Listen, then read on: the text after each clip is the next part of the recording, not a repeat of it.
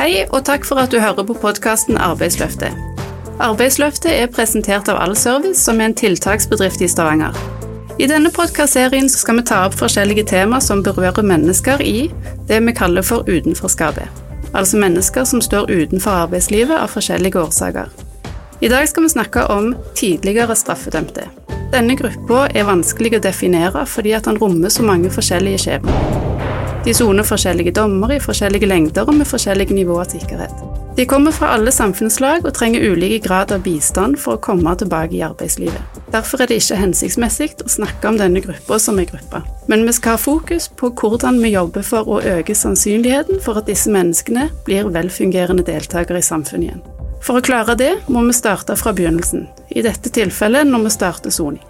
For å belyse hvordan systemet fungerer, har vi fått besøk av Merete Hiller, tilbakeføringskoordinator, og Einar Are Larsen, kriminalomsorgens representant i TAFU. Senere i podkasten får vi besøk av Carl Fredrik Sverg, og en som er under soning for øyeblikket.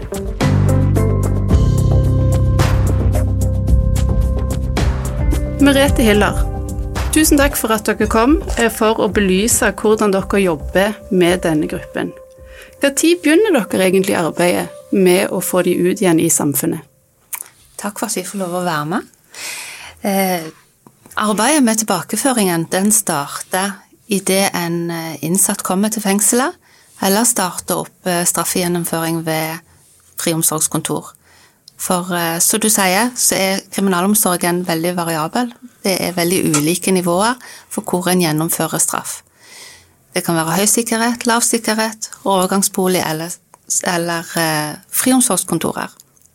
Og akkurat per nå så er det faktisk flere straffegjennomføringer ved friomsorgskontorene, altså i samfunnet, enn det er i et fengsel med høy sikkerhet eller lav sikkerhet.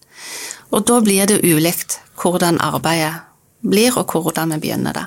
Men det begynner med en gang de blir innsatt, eller de starter straffegjennomføring.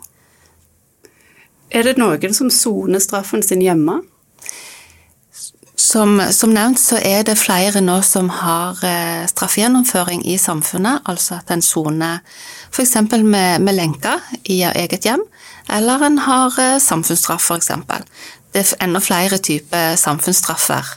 Eh, det er enda flere gjennomføringsformer i samfunnet enn de to, men det er gjerne disse som er mest kjent ute. Hva går samfunnsstraff ut på? Da kan en eh, Da kan en bli pålagt å følge opp x antall timer i et samfunnsnyttig tjeneste, f.eks. Ved at en arbeider ved ulike steder. Eller en kan bli pålagt å gjennomføre programvirksomhet ved friomsorgen. Riktig. Og de som soner hjemme med fotlenke, hvordan ser en hverdag ut for de? Det er en veldig strukturert hverdag. Da har de en eh, timeplan som er satt opp. De skal være i aktivitet, eh, enten om det er arbeid eller skole eller en sysselsetting, et visst antall timer i løpet av en dag. Og da vil de kunne forlate huset sitt på et eh, gitt tidspunkt. Veldig korte marginer, og de skal være vekke på rette sted. Og de skal komme tilbake til rett tidspunkt, med veldig små marginer igjen. Og de vil da ikke kunne forlate boligen uten at de har eh, permisjon til å kunne gjøre det. Riktig. Einar Are Larsen, eh, hvor lenge har du vært eh, kriminalomsorgens representant i TAFU? Jeg begynte omtrent med årsskiftet 2009-2010, når tiltaket starta. Og så har jeg jobba der fram til nå. Hva går jobben din ut på? Altså TAFU er et tverretatlig tiltak som eh, folk fra Nav, fylke, kommunen og, og, og Attende, og da kriminalomsorgen gjennom friomsorgskontoret. Så min jobb er primært å ivareta eh, kriminalomsorgen og friomsorgen sine interesser i det at folk er på slutten eller er nettopp ferdig med soning, men gjerne har møteplikt eller sånn. I tillegg så har jeg det med å skaffe arbeidsplasser og holde oppfylling med bedrifter og, og sånne ting. Vi har i tillegg fritidsaktiviteter om kveldene, så det blir en del miljøarbeid i forbindelse med det. Så jobben er i grunnen veldig variert. Jeg gjør veldig mye i løpet av ei uke. Dere jobber helhetlig med hele mennesket. Så det er vel ikke bare arbeid eh, dere jobber mot, men òg andre ting. Altså hva må være på plass eh, i livet for at man skal kunne få disse menneskene ut i samfunnet igjen som aktive deltakere, uten at de faller tilbake i kriminaliteten? Ja, altså hvis du, tenker, hvis du tenker en straffedømt, hvis vi tar utgangspunkt i det, da, så er livet til den veldig kaotisk. Og eh, hvis de går inn i fengsel, så får de fred i fengselet, men med en gang de kommer ut, så er de samme problemene, samme nettverket, samme familien. Altså ting er likt når de kommer ut ofte. I hvert fall det som en ikke klarer å gjøre noe med inne i fengselet. Og folk som begynner på, på, på samfunnsstraff eller andre typer straffegjennomføring, de trenger en periode å starte på den.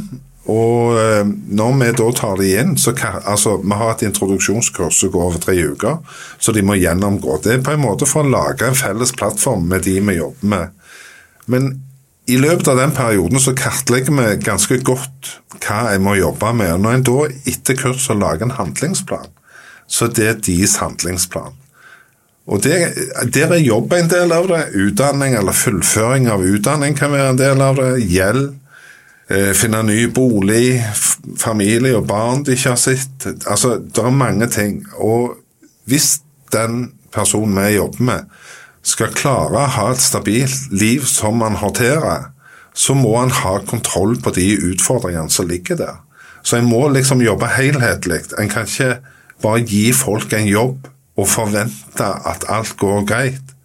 Altså Eksempelvis mange av de som kommer til oss, de er fremdeles i psykiatrisk behandling eller rusbehandling. Og dette skal fullføres og gå videre etter de har begynt i en jobb. Så det, det er viktig å se hele mennesket. For det at det, hvis en ikke har oppfølging lenge, så vil livet ta en igjen på en måte. Og da tenker jeg ikke det positive tingene i livet, men de negative tingene. Vi jobber med folk fra i hvert fall ett til tre år, og gjerne lenger hvis de ønsker. Etter de har kommet ut av fengsel, da? Ja, det gjør vi. Eh, men du kan si det sånn, når folk går over i lønna arbeid, så eh, er det frivillig hva oppfølging de vil ha, men mange vil ha en oppfølging med en telefon en gang i uka, gjerne komme innom jevnlig og sånne ting. Og Det gjør at eh, på Forus der vi har kontoret, så har vi mange som er i lønna arbeid, som har fremdeles kontakt med oss. For jeg må huske det at Den gruppa vi snakker om, det er alt fra analfabeter som ikke kan lese. Altså, De kan gjerne lese ordene, men de forstår ikke innholdet. Og Da må det være et synlig hjelpeapparat for disse. Og det prøver vi å være. Hvordan jobber dere med å skaffe en bolig f.eks. som ikke er i et rusbelasta miljø, eller hjelpe dem hvis de har stor gjeld på utsida? Er det sånn at jo flere ting i livet som stemmer, jo større er motstandskraften mot å havne i kriminaliteten igjen? Ja, altså motstandskraften det, altså Hvis du tenker eh, rus da, som en del av det, så er jo det å være i rusbehandling det å få verktøy til å klare å håndtere et rusfritt liv. Hvis ikke vedkommende ser nytteverdi i forhold til sitt liv, og ser en pakke som kan hjelpe dem fram dertil. Um, og det med relasjon til folk som jobber i systemet, at det, de føler det er en god plass å være. For svært mange av de vi jobber med, er skadd i relasjon med andre mennesker. Oppvekst, venner, rusmiljø, fengsel. Og hvis de ikke ser nytteverdien av å komme til oss sjøl, så tror ikke jeg jeg kan få de til å se. Altså, de må få en mestring. De må se at det går an å få det til. De må oppleve, og så må de ville skape en endring. Så det, disse tingene henger veldig sånn nøye sammen. Du kan si, Hvis vi klarer å få mestring sammen, så kan jeg gjerne kalle det motivasjon. Men ordet motivasjon og atferd er kraftig brukt opp. Rehabilitering òg. Disse guttene kan som regel ikke ting når de kommer til oss. De må lære, og det heter habilitering. Og det, det, er sånne ting. Og det med motivasjon Ja, hvis du kaller det bensin på viljen, så er det greit, gjerne. Og så er det dette med atferd. Det er Jeg har atferd, det har dyret òg. Men jeg kan faktisk velge hvordan jeg vil oppføre meg. Så væremåte blir et riktigere ord. Vi har prøvd å ta vekk noen av de ordene som folk som kommer til oss, de har vært i barnevernet. Da snakker en atferd. Altså, de har blitt brukt opp. Så nå snakker vi væremåte? Jeg snakker væremåte, og jeg snakker eh, viljen til å ville noe istedenfor for de andre tingene. For dette, ethvert menneske har jo i alle situasjoner, så lenge en er frisk, altså har evnen i behold, eh, mulighet for å ta valg. Og det er jo det vi skal prøve å hjelpe guttene til. Det er jo til at eh, de skal gjøre, kall det enkelt, og en konsekvensanalyse. De skal se hvilke muligheter de har. Og vi skal hjelpe dem til å se flere muligheter, gjerne. Men de må ta et valg, og da er ansvaret deres. Sånn er jo lovgivningen òg i Norge, at eh, du kan aldri fraskrive deg ansvar så lenge du er tilregnelig. Men Hva som motiverer da til bedre atferd, større motivasjon, Merete? Det vil jo være veldig individuelt i forhold til hvem, hvem det er, hvem vedkommende er. Men som Heinar Arild sa tidligere, så er det jo det å kunne se nytteverdien av, av endringen og mulighetene. At de ser at dette er, dette er reelt.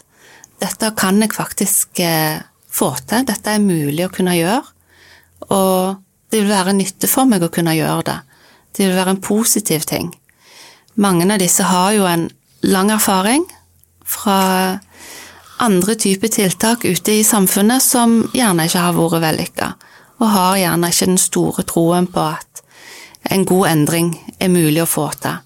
Endringsarbeid kan jo være et langvarig arbeid, og det er jo derfor TAFU òg er inne såpass lenge som de er, og jobber sammen med de domfelte. Men er det ikke sånn at vi er sosiale dyr alle sammen, og at vi motiveres av kontakt med andre? Gode relasjoner, å føle seg nyttige og føle seg ønska, er noe som generelt sett er motiverende for den enkelte. Jo, altså vi, vi er jo sosiale individer, og det er da jeg snakker om det med skadd i relasjon til andre mennesker. Eh, altså, De har gjerne en oppvekst som ikke er god. De kommer ut i miljøer som ikke er gode. Altså, Normene i et kriminelt rusmiljø er annerledes enn det mange forestiller seg at det er. Det å oppleve soning, og, og, som unge gutt å komme inn til soning, klart det gjør noe med deg. men Og så må en tenke på Det er flere av de jeg jobber med, som ønsker å bli sosialt akseptert. Og de føler mye på skam. De vet hva de har gjort, de vet hva de har vært med på. Og så har det noe med det at hvis du har levd et liv i rus og dus, holdt jeg på å si, på utsida, og så blir du sånn 6-28 år, gjerne 30, og så skal du begynne å se på livet ditt Altså, vi måler jo oss sjøl opp mot andre, og så ser du klassekamerater, andre venner du spilte fotball med eller var med og sånne ting. Så har hus, bil, båt og, og kone og unger og alt på stell. Og der sitter du på et hospits. Det er ganske langt opp der. Det er en lang vei, ja. Men hvordan ja, og det, det, er jo klart at Dette retter seg jo ikke på tre måneder og med å få en arbeidstrening eller en jobb. Dette er en lang prosess. Men vi, i hvert fall syns jeg å merke, at når de har stått i det ett år, så er det ufattelig hvor langt de har kommet med mange ting. Og da, da kan du si det sånn òg, for det, det er faser i dette òg. Altså, når en starter hos oss, går gjennom introduksjonskurset på tre uker. I uke fire så begynner vi å ta kontakt med bedrifter som den. Vi spør jo altså Det er derfor jeg sier rehabilitering blir jo helt feil, men vi spør jo hva kunne du tenkt deg å jobbe med? Og så En sa til meg nå i mai at du er, jeg er 30 år, jeg har gjerne jobba 10 minutter og 14 dager. Hvordan skal jeg fortelle deg hva jeg vil jobbe med?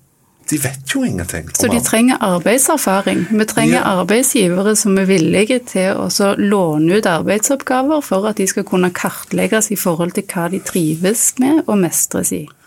Ja, og det, det, er jo derfor skolen i fengslene f.eks. er viktige. For det at gjerne de har fått tatt noe allmennfag eller noe sånt der, eller noe yrkesopplæring, at de kan litt om verktøy og sånne ting.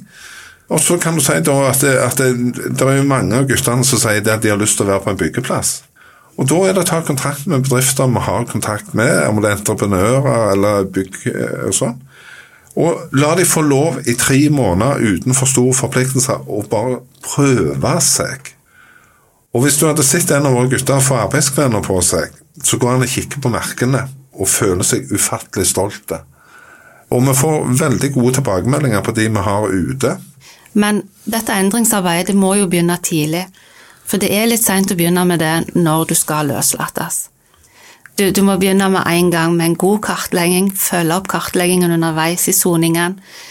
Se hva som er på plass, hva er det vi skal jobbe med, få en god oversikt. Og hvis en ikke er klar sjøl, for det er ikke alle som er klar, og det kan en jo ha forståelse for hvis en kommer i varetekt og ikke veit hva livet skal bringe med seg framover, om en skal sitte lenge i varetekt, hvor lang dom får jeg, det kan være komplisert å konsentrere seg om, eh, om, disse andre tingene i livet. Men det er viktig å være der og prøve å få dem til å få riktig informasjon og kunne ta imot den, bli bevisst på valgene sine og kunne starte den prosessen det er med å få til endring. Og da blir jo relasjonene til de som jobber, veldig viktig. Og det, det kan jo òg være en utfordring eh, hvis en skal sitte på et lukka fengsel, f.eks. Men eh, men vi har masse dyktige ansatte som er veldig gode på å bygge relasjoner og jobbe med domfelte i fengsel, og vi har mange gode ansatte som jobber på friomsorgskontoret, som òg jobber tett på for å få gode relasjoner. For relasjon i endringsarbeid er jo som regel veldig avgjørende. Så hvordan jobber dere? Altså, hva er et perfekt drømmescenario ifra noen får straffen sin og går inn i fengsel og starter soning? Jeg ser for meg at et drømmescenario er en som slipper å sitte veldig lenge i varetekt. Varetektsperioden er tung, den er uforutsigbar. Det er vanskelig å legge planer. Og gjerne for spesielt de som er veldig unge, så er det vanskelig å konsentrere seg om et skoleløp som de gjerne var i gang med, fordi en, en veit så lite. Tankene er helt andre plasser. Kort innsettelse i varetekt, kort overføring på dom, når den er rettskraftig, sånn at en veit hva en skal forholde seg til. Det at du har noen som enten er eller blir motivert til å starte endringsarbeid som er nødvendig, om det er et stort, eh, middels eller et lite arbeid, det vil jo være veldig varierende, men at en klarer å komme i gang med det, at en får benytta de tilbudene og tiltakene som finnes i et fengsel, og at en kan gå gjennom de ulike straffegjennomføringsformene over til lavere sikkerhet, over til overgangsbolig, over til friomsorgen. En får benytta disse løpene og får gradvis prøvd seg mer og mer ute, og får muligheten til å benytte samfunnet på en bedre måte og gjøre seg kjent med det før en plutselig skal stå helt på, en måte, på egne bein. At en får knytta disse kontaktene. For det vet en jo at uh, har en knytta kontaktene før en på en måte går over i nye faser og disse som er litt uh, urolige ting, så er det lettere. Har du en god relasjon til en arbeidsmarkedsbedrift, og du vet hvem du skal treffe når du går fra fengsel, så er det lettere å stå i det enn om du skal treffe dem for første gang når du kommer ut. Alle gode overganger er bra. Vi må tenke på at disse som eh, har sont en dom, de skal bli naboene våre. Jeg vet jo veldig godt hvem jeg vil ha som nabo. Jeg vil ha den som har gått gjennom løpet på en god måte. Den ønsker jeg veldig gjerne, og ikke den som ikke har fått mulighetene eller tilbudene. Absolutt. Det hørtes egentlig ut som et drømmescenario. Og vi har jo alle erfaring med at det skjer, det òg. Heldigvis. Det er ikke alle som er så tunge som vi har skissert opp nå, men de finnes selvfølgelig, de òg. Har vi et budskap til sist til arbeidsgivere? For å si det sånn, jeg syns at når jeg tar kontakt med arbeidsgivere nye som ikke Altså, det er greit med det gamle, der får jeg som regel aldri nei. Det får jeg en nei, så er det fordi det er ikke jobb, eller det er ingenting akkurat nå. Normalt når vi tar kontakt med de arbeidsgiverne vi har hatt kontakt med før, hvis det er noe sånt, så, så får vi mulighet til å komme ut og si hva vi har på hjertet. Men òg med nye arbeidsgivere så syns jeg at veldig mange er rause. Og noen er spesielt rause, syns jeg. De aller fleste arbeidsgivere, når du ringer, de kjenner en som har sittet inne. De kjenner en med rusutfordringer. De vet litt hva dette går i. For som jeg sier, Norge er et fantastisk lite land. At vi kjenner mange mennesker. Men jeg syns bedrifter er jevnt over eh, rimelig rause. Og det som hjelper, det er hvis du kommer inn i en bedrift med ordna lønns- og arbeidsvilkår. En bedrift som har en god eh, struktur på administrasjon og ledelse, de vil ofte kunne ta dette inn i de systemene de allerede har. Og det er jo klart for våre gutter så nødt til å opplyse at de er straffedømt, og at de har hatt et rusproblem, vært i behandling. Klart det er tøft før du går. Men de aller fleste bedriftene er ikke så veldig interesserte.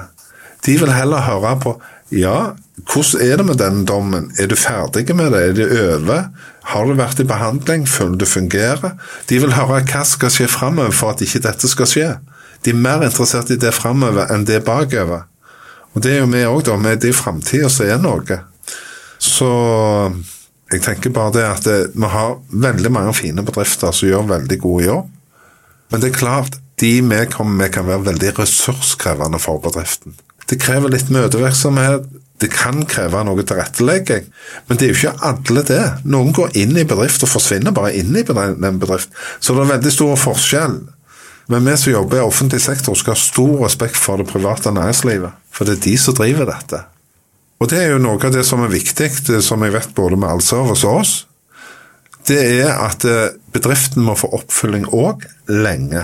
Vi må kunne være ei åpen linje der de kan ringe og spørre om ting.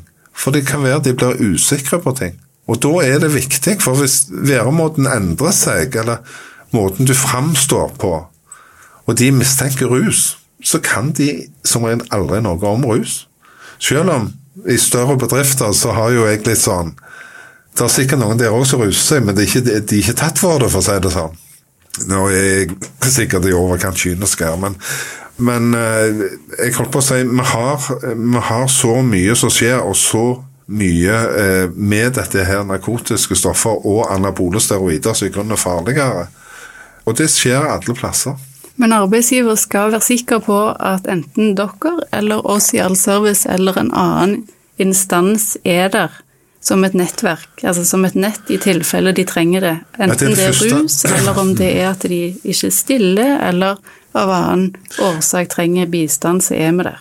Det er det første spørsmålet jeg som arbeidsgiver ville spurt. Hva skjer hvis det skjer noe? Ja. Og hvor lenge kan jeg påvente å få den hjelpa? Ja. For det at eh, det er noen ganger vi må kjøre ut på arbeidsplassen og bare hente den som er der, og gå igjen. Og Da skal vi være med å rydde opp for bedriften, sånn at det ikke påfører bedriften mer enn det det absolutt må. Det er veldig, veldig viktig. Ja, og de knytter seg ikke opp til noen kontrakt som ikke kan brytes hvis det ikke fungerer. Men i veldig mange tilfeller så har vi jo òg sett at det fungerer veldig godt, Ja, ja, og at bedriften sitter igjen med en lojale arbeidstaker eh, som er en ressurs. Ja. Merete holdt eh, hånden oppe. Jeg, ten jeg tenker det er viktig at eh, potensielle arbeidsgivere, eller de som tar inn folk, òg varsler tilbake tidlig hvis det er noe de stusser på. At en ikke lar tida gå for lenge og på en måte skal være for snille. Er det noen ting en stusser på, så er det gjerne en grunn for at en stusser på det. Ta kontakt med de som på en måte skal være rundt vedkommende og bistå, sånn at en kan på en måte få avklare, rydde opp, stoppe et eller annet hvis det er noen ting som er i på en måte utvikling. Så det fører jo bedre, egentlig. For vedkommende sin del så tenker jeg ja. Og det er de som må gå altså Vi har jo folk som har starta mange ganger hos oss. Og det, Hvis vi hadde klart alt på første forsøk, da hadde jeg vært skeptisk. Ja. Ikke sant? For det at de kommer så mye og sammensatt at det, det er en del som vi har måttet skrive ut av tiltaket. Og så går det gjerne behandling eller et eller annet, og så tar vi det inn og så prøver vi en gang til. Og noen ganger så må vi skrive det ut igjen og ta det inn en gang til. Ja. Men alternativet er jo veldig dårlig, da. Eh, Ikke sant? Og så har du de sakene der du får en person som ser ut som hjelp, hva skal jeg gjøre? Jeg har en jeg tenker på, og han vet jeg tenker på når jeg sier dette. For når han kom til oss, så tenkte jeg hjelp, hva skal jeg kunne hjelpe deg med? Men han er en av de som bare forsvant inn i bedrift og har gjort alt. Kjøpt hus og gifta seg og fått unger. og liksom Alt har gått på skinner. Men første møte med han, det var hjelp. Nå må jeg ha hjelp her. Og det, det har vi snakket mye om. Vi ler mye av det i dag, da. til Det har jo gått ti år siden. Ni, ni år siden. Så det er ganske artig, men eh, Det er godt med de historiene òg, tenker jeg. De som bare glir rett inn og klarer seg sjøl.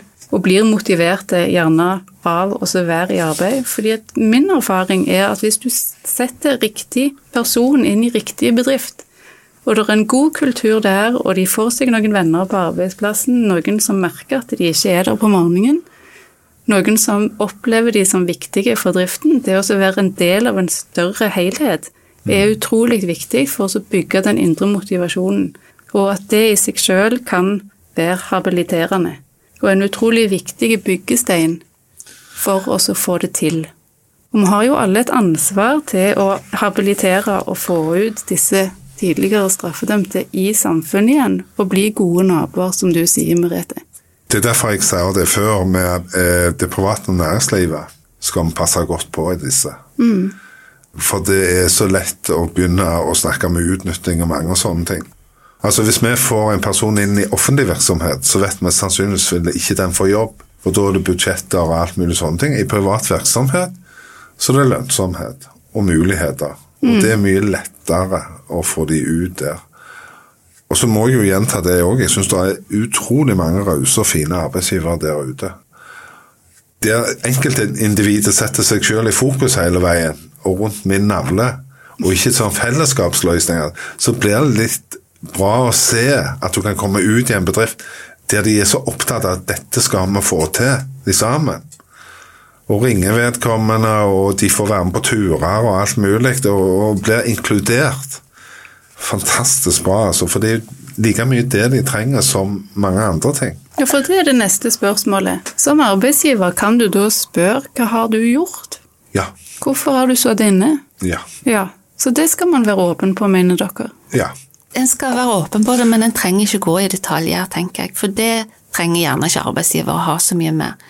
Men de vet at du har sont, du har et stort hull i CV-en din som du ikke har klart å fylle godt nok når du har sont. Du kan gjerne putte på litt kurs og programvirksomhet og sånt, men ja, vær åpen om det. for Plutselig så skal du gå rundt med den angsten for at noen skal finne ut noe, og det vil òg være en belastning i, i den videre arbeidet, tenker jeg. Så vær åpen om det, men vær fornuftig med hva du deler. Så ærlighet varer lengst. Er du nødt til det? Ja. Ja, det, altså, jeg, jeg, jeg syns jo Altså, jeg syns det er greit å fortelle hva paragraf du er dømt etter, og da vil det ofte stå hva den paragrafen omhandler. Og så stopper vi der. Ja. Ikke Men, mer. Nei, i utgangspunktet ikke hvis det ikke har relevans for jobben, tenker jeg. Hva er det viktig for bedriften å tenke på før de eventuelt tar inn noen? Er det noe i kulturen, rammene, som skal være på plass? Jeg tenker det at er bedriftseier eller daglig leder eller hva det måtte være, bør tenke på sitt eget arbeidsmiljø. For mm. der skal én person inn. Og dette må jo gå gjennom alt, men, men og hva rom de har for å tåle annerledeshet.